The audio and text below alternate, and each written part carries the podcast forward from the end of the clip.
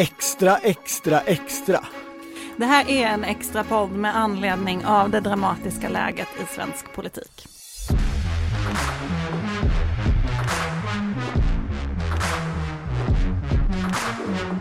Det här är Politiken med Annie Reuterskiöld, Maggie Strömberg och Torbjörn Nilsson.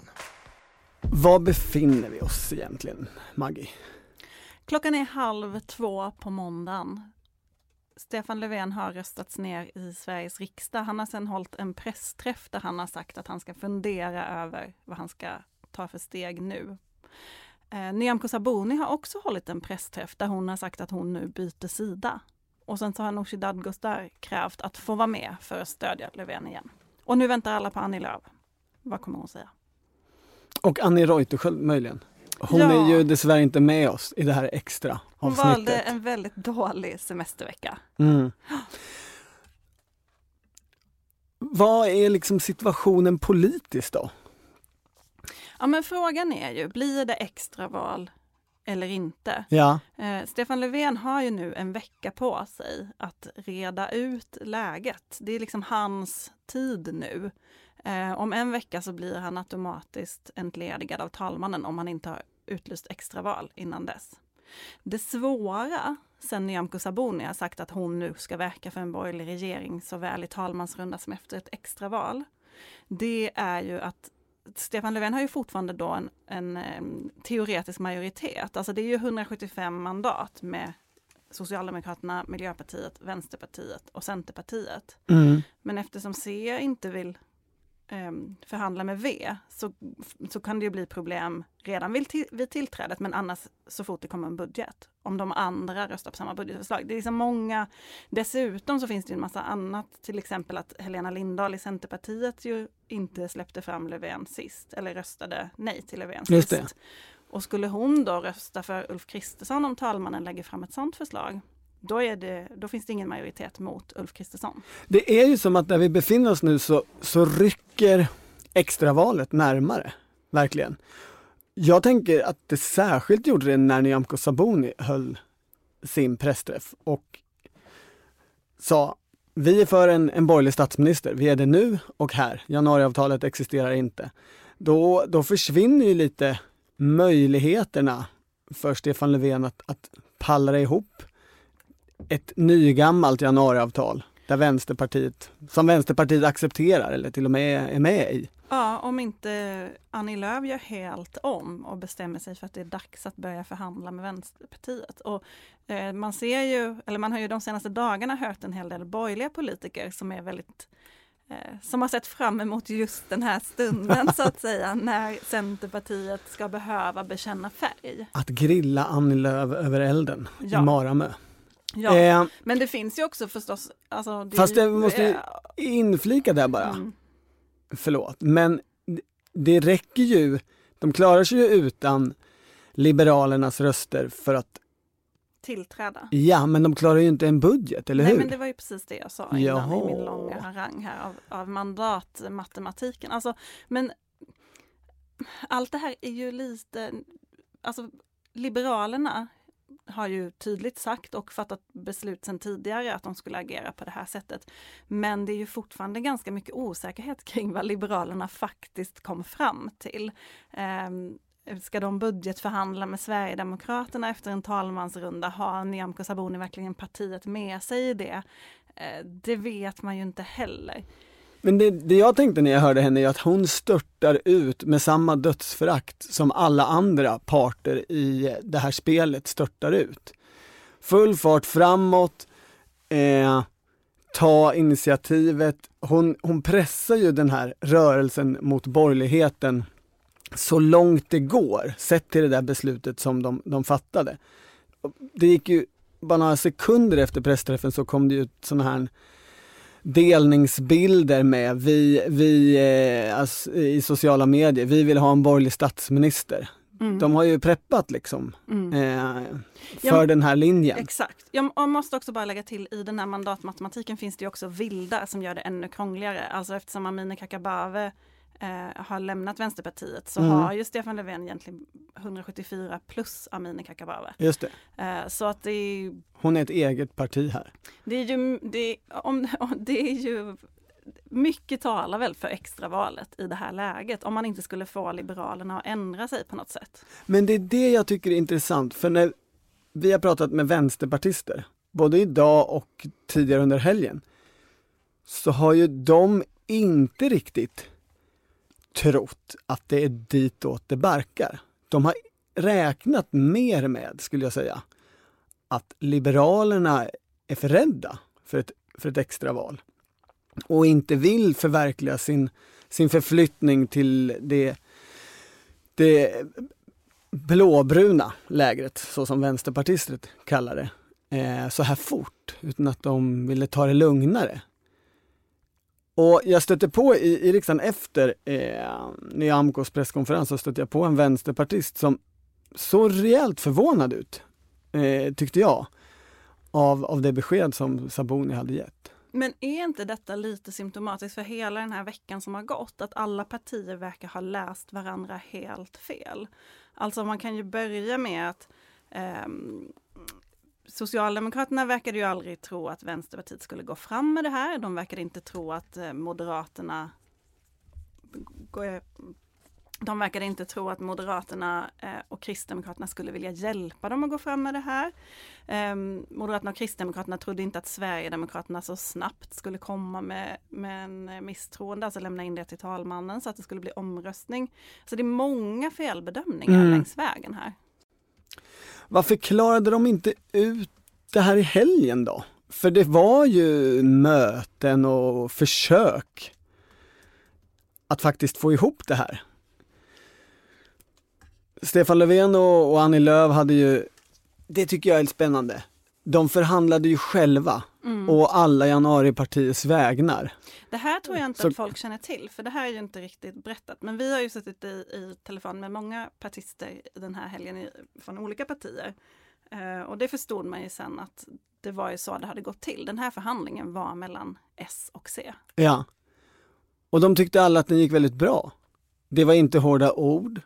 Det, de diskuterade inte nu måste du lägga ner den här punkten Annie Lööf, nu, eh, nu måste vi blidka eh, Vänsterpartiet. Det var ju mer så som det är beskrivet att, eh, vi har fått det beskrivet var det ju, okej hur löser vi det här problemet eh, tillsammans? Mm. Och sen fick, fick Miljöpartiet och ja, i den mån Liberalerna räknades till januaripartierna då, hänga på bäst de ville. Ja, precis. Eh, och då, det blev ju klart eh, på lördag kväll. Sen så blev det en pressträff på söndag förmiddag och enligt mina källor fick Liberalerna veta om den där pressträffen väldigt kort inpå. Eh, den var liksom inte planerad från början och det var ju bara Annie Lööf och Stefan Löfven på den pressträffen. Trots att Miljöpartiet har bostadsministerposten till exempel. Ja, Så att det... Man, man de tar ju... inte jättestor plats i den här processen, Nej, miljöpartisterna Den här alltså. Helgen har ju varit Annie Lööfs och Stefan Löfvens. Det är ju det, är ju det, det har hängt på. Mm. Ehm, och då kom de ju fram till att eh, de kom ju fram till samma lösning som man hade gjort med LAS-frågan som ju är Vänsterpartiets andra röda linje. Ehm, det vill säga att parterna ska förhandla och sen om parterna inte kommer överens så ska det här genomföras ändå. Men det finns ju en skillnad i att parterna ska förhandla, som jag förstår det. Jag är inte expert på bostadspolitik, men som jag förstår det så är det de ska förhandla om är ju egentligen att Hyresgästföreningen inte längre ska få ha något inflytande. Ja, så och är det är ju det. kanske lite klurigt att förhandla om. Tycker, vänsterpartisterna tycker att det blir en förhandling där Hyresgästföreningen egentligen sitter och förhandlar om sin egen existens. Om de ska avveckla sig som förening på lång sikt eller inte. Mm. Eh, Men det som slår en är ju att alla agerar lite för lite och lite för sent för att liksom kunna klara ut det här. Men, ja. Men förutom då Vänsterpartiet. Ja, möjligen då förutom Vänsterpartiet, fast nu när Nyamko Sabuni har sagt det hon har sagt så har ju Vänsterpartiet satt igång någonting som kanske är lite större än vad de anat. Jag uppfattar att vänsterpartisterna nog har sett framför sig att det ska vara ganska enkelt för Stefan Löfven att återkomma som statsminister. Mm. Bara vi löser den här lilla, lilla eh, punkten 44. För de har utgått ifrån att Liberalerna är så rädda för extraval. Ja, och Nyamko Sabuni ger inga indikationer i den riktningen. Att det skulle vara enkelt. Mm. Så här är det ju vänsterpartisterna som har missförstått Liberalernas eh, intentioner eller mod eller dödsförakt. Mm. Och, men samtidigt verkar det ju, det finns ju liberaler som nu säger, eh, som verk, nästan verkar tycka att det är bra med ett val nu, för att de är säger ja om vi åker ur riksdagen nu, då är, kan vi ju komma tillbaka om bara ett år. Det skulle vara mycket jobbigare att åka ur och vara borta i fyra år. Alltså de verkar nästan lite upprymda över det här valet. Ja men och, hela den tanken är ju den mest spännande i det här. Är, det är ju väldigt länge sedan en regering satt ett år. Eh, eller i, i tidsrymd som var ungefär ett år. Eh, alltså sådär kort. Är det värt det? Vill Ulf Kristersson detta? I vilken position är det bäst att vara när det ordinarie valet kommer? Vad, vad har liksom hunnit hända av olika dynamiska saker eh, in till det ordinarie valet? Har något parti åkt ut? Är, är det några som vinner, förlorar stort i ett extra val?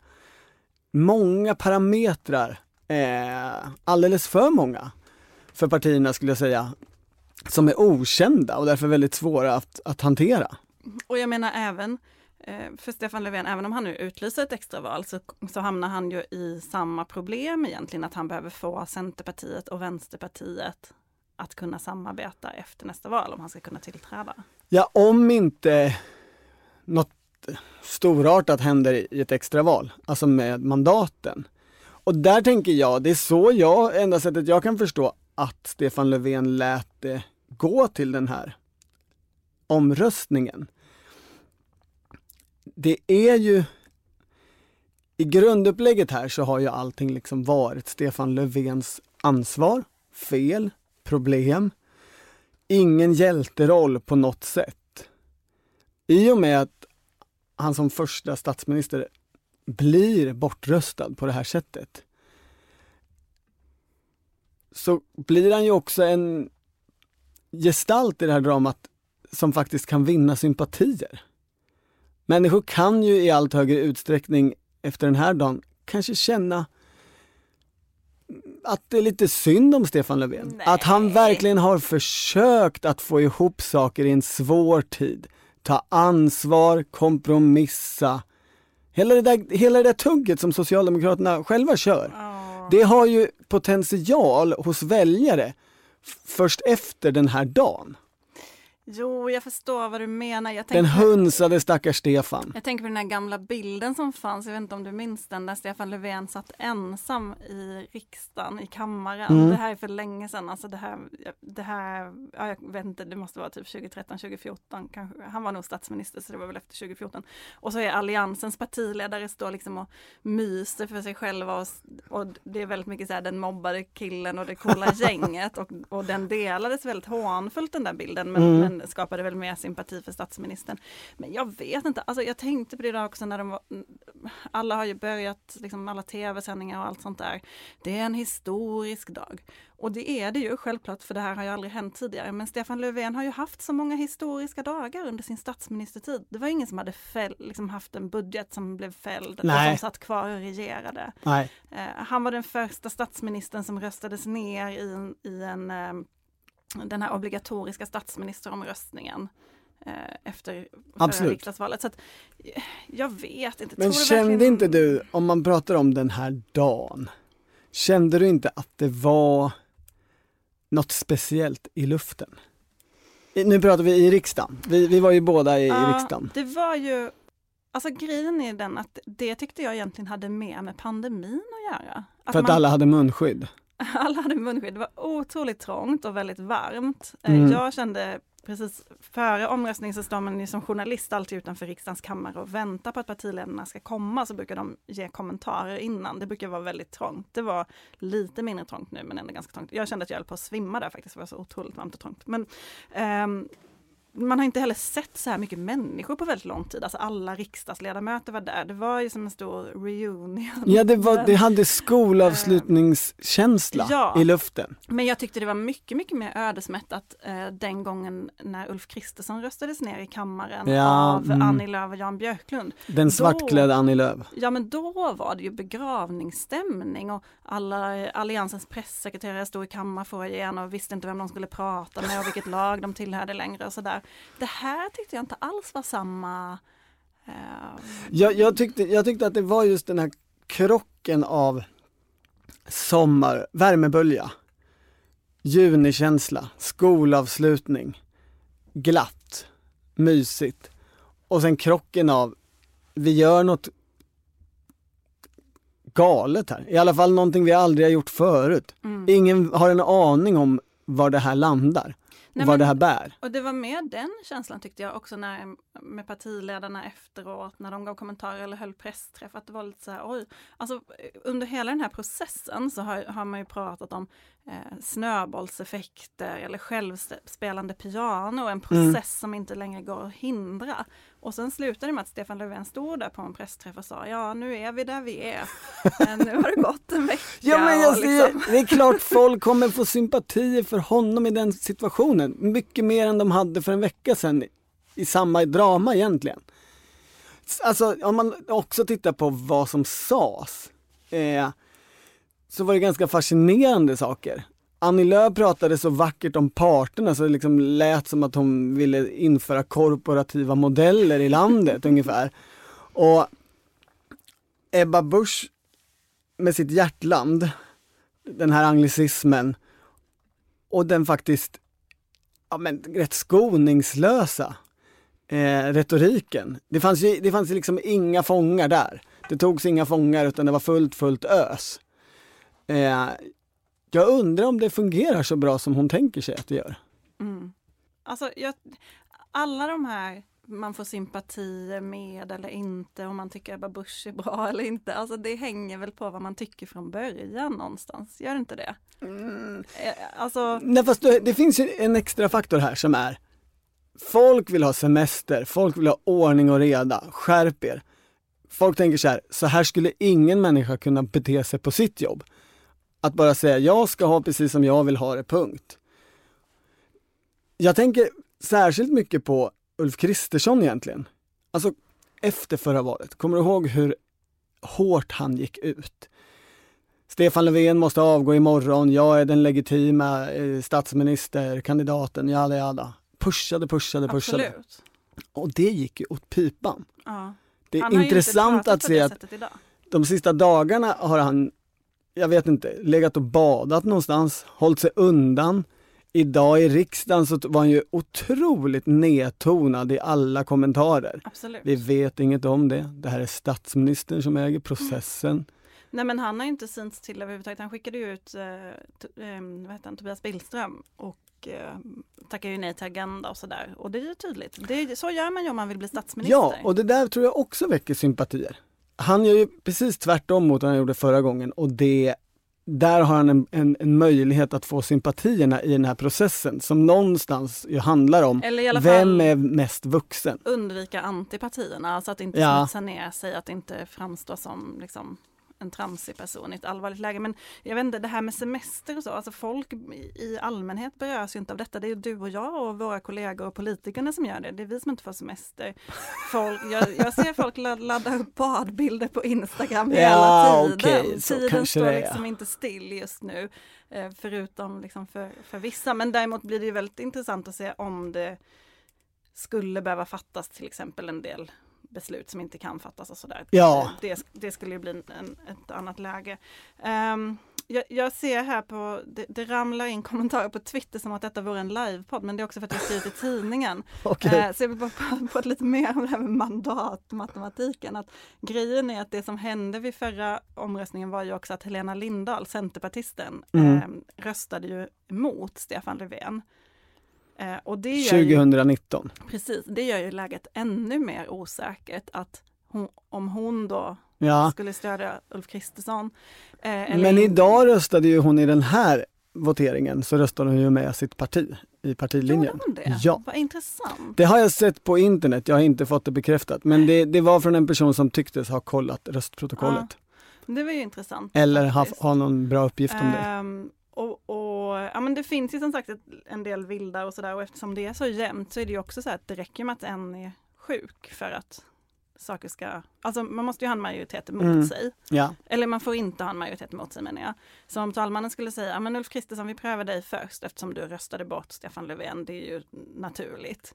Ehm, då ska det rätt mycket till för att Löfven ändå ska skrapa ihop de där 175 mandaten. Ingen får gå på toaletten, Mikael Damberg får inte befinna sig i första kammarsalen. Allt detta är saker som tidigare har hänt. Mm. Och, ehm, men, jag, men jag pratade med, med en ehm, vad ska man säga, en borgerlig, en på det laget, en, Ja. en på lag Kristersson i veckan om detta. Ehm, och då sa den att det är väl svårt att bygga en parlamentarisk strategi på att någon ska vara sjuk eller att någon ska liksom gå på toa. Men det säger ju något om hur liksom, eh, svajigt det här läget är och det tyder väl också på att det kommer bli extraval. Eller? ja kanske. Va, det, det är din, ditt bästa take just nu, din bästa take just nu. På vad, vad är det som kommer hända nu? Alltså grejen är att jag, eftersom Liberalerna är så sturska, för mitt, min, min take innan dess var att eh, Stefan Löfven nu i det här läget skulle kunna få Centerpartiet och Liberalerna att ändra sig om hyresrätten för att de inte, för att undvika extraval. Mm. När, nu när liksom det finns bara de här alternativen. Men det har ju Liberalerna redan slagit bort. Ja, Det kommer inte, liksom, de kommer ju inte ändra sig nu. Då, alltså, så, hur många gånger kan man ändra sig? Då förtjänar de inte ens sina 2,5 procent typ.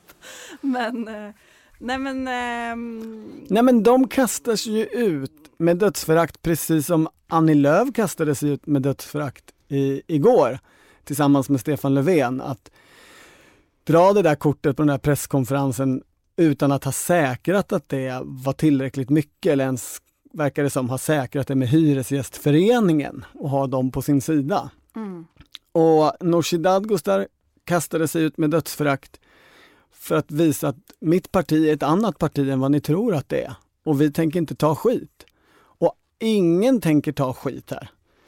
det Alla i här, det här maffiaspelet vill ha respekt men det här tycker jag är intressant. och kör rakt in i väggen. För att det finns ju en, en bild som vi också har varit med och reproducerat. Vi gjorde det säkert i förra veckans podd och vi pratade om Stefan Löfven.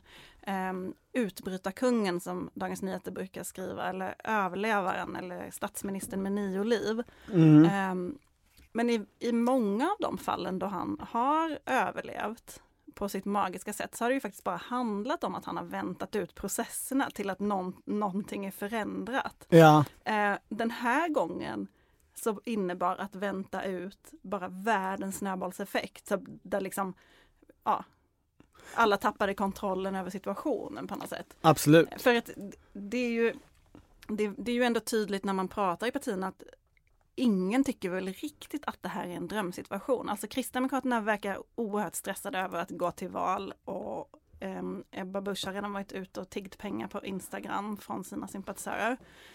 Eh, vill Ulf Kristersson verkligen leda en regering i ett år, liksom provköra sin eh, SD-stödda regering som ändå fortfarande är kontroversiell i svensk politik. Det är väl inte ett drömscenario, man hinner göra väldigt lite på ett år. Jag sprang på en moderat i, i, i kammaren, eller utanför kammaren. Eh, Jag var ju inte i kammaren, det är förbjudet. Jag får inte gå in där. Så det ska jag inte säga att jag var.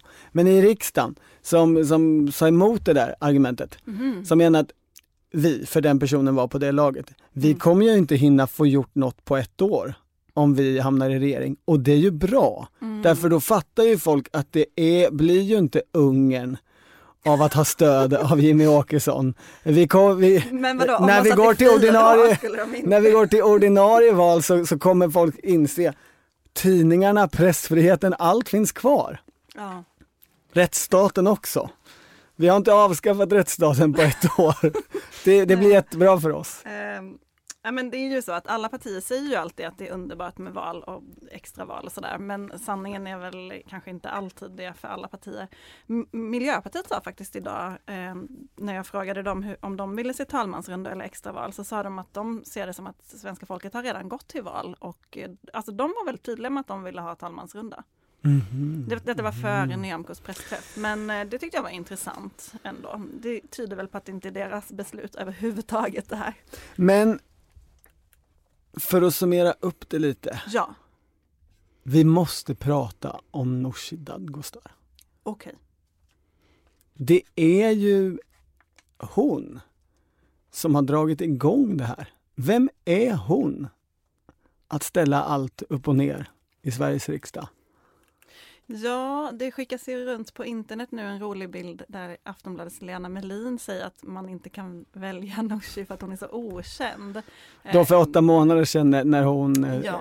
när hon skulle bli vald till ordförande i nu är Vänsterpartiet. det väl ingen som inte vet vem Nooshi Dadgostar är. Men hon är ju talesperson för det nya Vänsterpartiet får man väl säga. För det här handlar ju inte bara om henne. Det här handlar ju om den generation som styr Vänsterpartiet nu. Mm. Eh, De som sitter i verkställande utskottet, tjänstemännen runt Nooshi Dadgostar. eh, Personer som alla var med i Ung Vänster runt millennieskiftet när Ung Vänster var väldigt starkt. Mm. ehm, De hade ju på den här tiden en, en berömd strategi som jag knappt kan redogöra för i huvudet men som väldigt mycket gick ut på att de skulle vara ett annorlunda parti. Alltså deras ordförande eller representanter skulle inte efter en sån här ungdomsförbundsdebatt gå och ta en öl med de andra eh, företrädarna eh, och liksom vara kompisar med dem. Eh, de skulle hålla sig på sin kant och, och visa på något annat. Ja, men, och saken var ju också att detta var ju, ehm, vad ska man säga, efter ehm, alltså saneringen av statsfinanserna, Socialdemokraterna jobbar, samarbetar med Centerpartiet. Det fanns liksom en otrolig frustration inom vänstern mot ett Socialdemokraterna som gick högerut. Mm. Eh, det har ju format väldigt många av dem som nu eh, leder det här partiet. Ja, och Och, det, nu när det då händer igen så är det inte så svårt för dem att liksom inta samma position och att fälla, vilket de väl ville redan som unga, men de äldre i partiet var så här, nu ska vi backa upp mm, mm. eh, Socialdemokraterna, vi måste ändå, liksom, det är ändå vår roll i svensk politik. Och nu har, de liksom till slut fått ta över partiet och säga att nej, det är inte alls vår roll. Vänsterpartister har väl egentligen alltid, allt sedan 1917 hävdat att de är de riktiga Socialdemokraterna. Men det tal som Nooshi Dadgostar höll idag som röstförklaring, det var ju jag, hann, det, jag hann inte eh, riktigt anteckna ner det så jag kan inte citera något men det var ju Jag tror att det är ett tal som faktiskt kan bli historiskt otroligt retoriskt välformulerat, drivandes just det caset. Att nu är det stopp med den här successiva liberaliseringen av Socialdemokraterna och därmed av Sverige. Vi sätter ner klackarna i backen här, citerar Tage Erlander om det starka samhället. Det gjorde ju ont på statsrådsbänken. Det såg man ju. Satt och liksom kved där när hon Vadå, du höll tror på. att Mikael Damberg tyckte att det var jobbigt? Ja men det tror jag faktiskt. Jo det tror jag. Eh, jobbigt, jag tror, han, jag tror han blev förbannad, ungefär lika Ja. förbannad som han var i Agenda igår. Ja. Eller irriterad. Vi mötte ju Mikael Damberg på vägen till den här poddinspelningen. Han, Ja. han, då såg han ut att vara på gott humör. Det gjorde han, alldeles riktigt. Ja. Men eh, Men, Nooshis vecka tycker jag ändå att det är. ja. Och vems vecka det sen blir vet jag inte. Nej, för vad händer nu? Kan vi ändå sluta med den frågan? Vad är, eh, liksom, vad händer nu Torbjörn?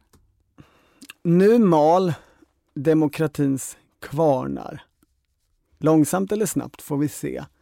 Men jag tycker man ska notera att i riksdagscaféet så finns det ju nu för tiden att köpa eh, en liten påse innehållandes tre små minikakor som heter talmansrunda. Mm. Alltså man köper en, en kaksamling som heter talmansrunda. Det har ju funnits sedan talmansrundorna eh, i förra regeringsperioden. Jo, och jag tänker att det var ju någonting särskilt och det kommer kanske tillbaka. Talmansrundandet. Jag tror att det blir extraval. Jag tycker att allt eh, pekar på det. Vi får väl se. Vi är ju tillbaka på onsdag med en ordinarie podd. Ja. Kanske har det hänt något då. Kanske har det hänt något då. Som avslutning denna historiska dag eh, så kommer här ett litet musikstycke. Skapat faktiskt för flera veckor sedan av eh, Svenska Dagbladet formgivaren Henrik Malmsten. Nushita Gustar Vad gör dig så ont idag? Kan du tala om det? Sträck ut din vänstra hand så får du en fot tillbaks. Vill du krama om den? Du kanske trodde allt var större än så här. Du kanske hoppas att den som lever också lär. Och nu shita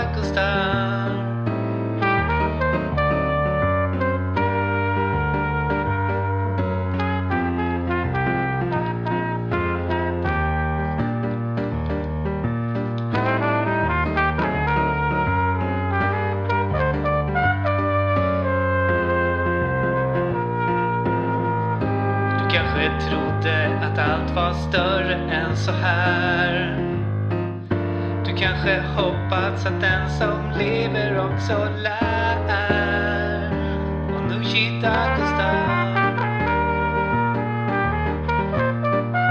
Och nu kittar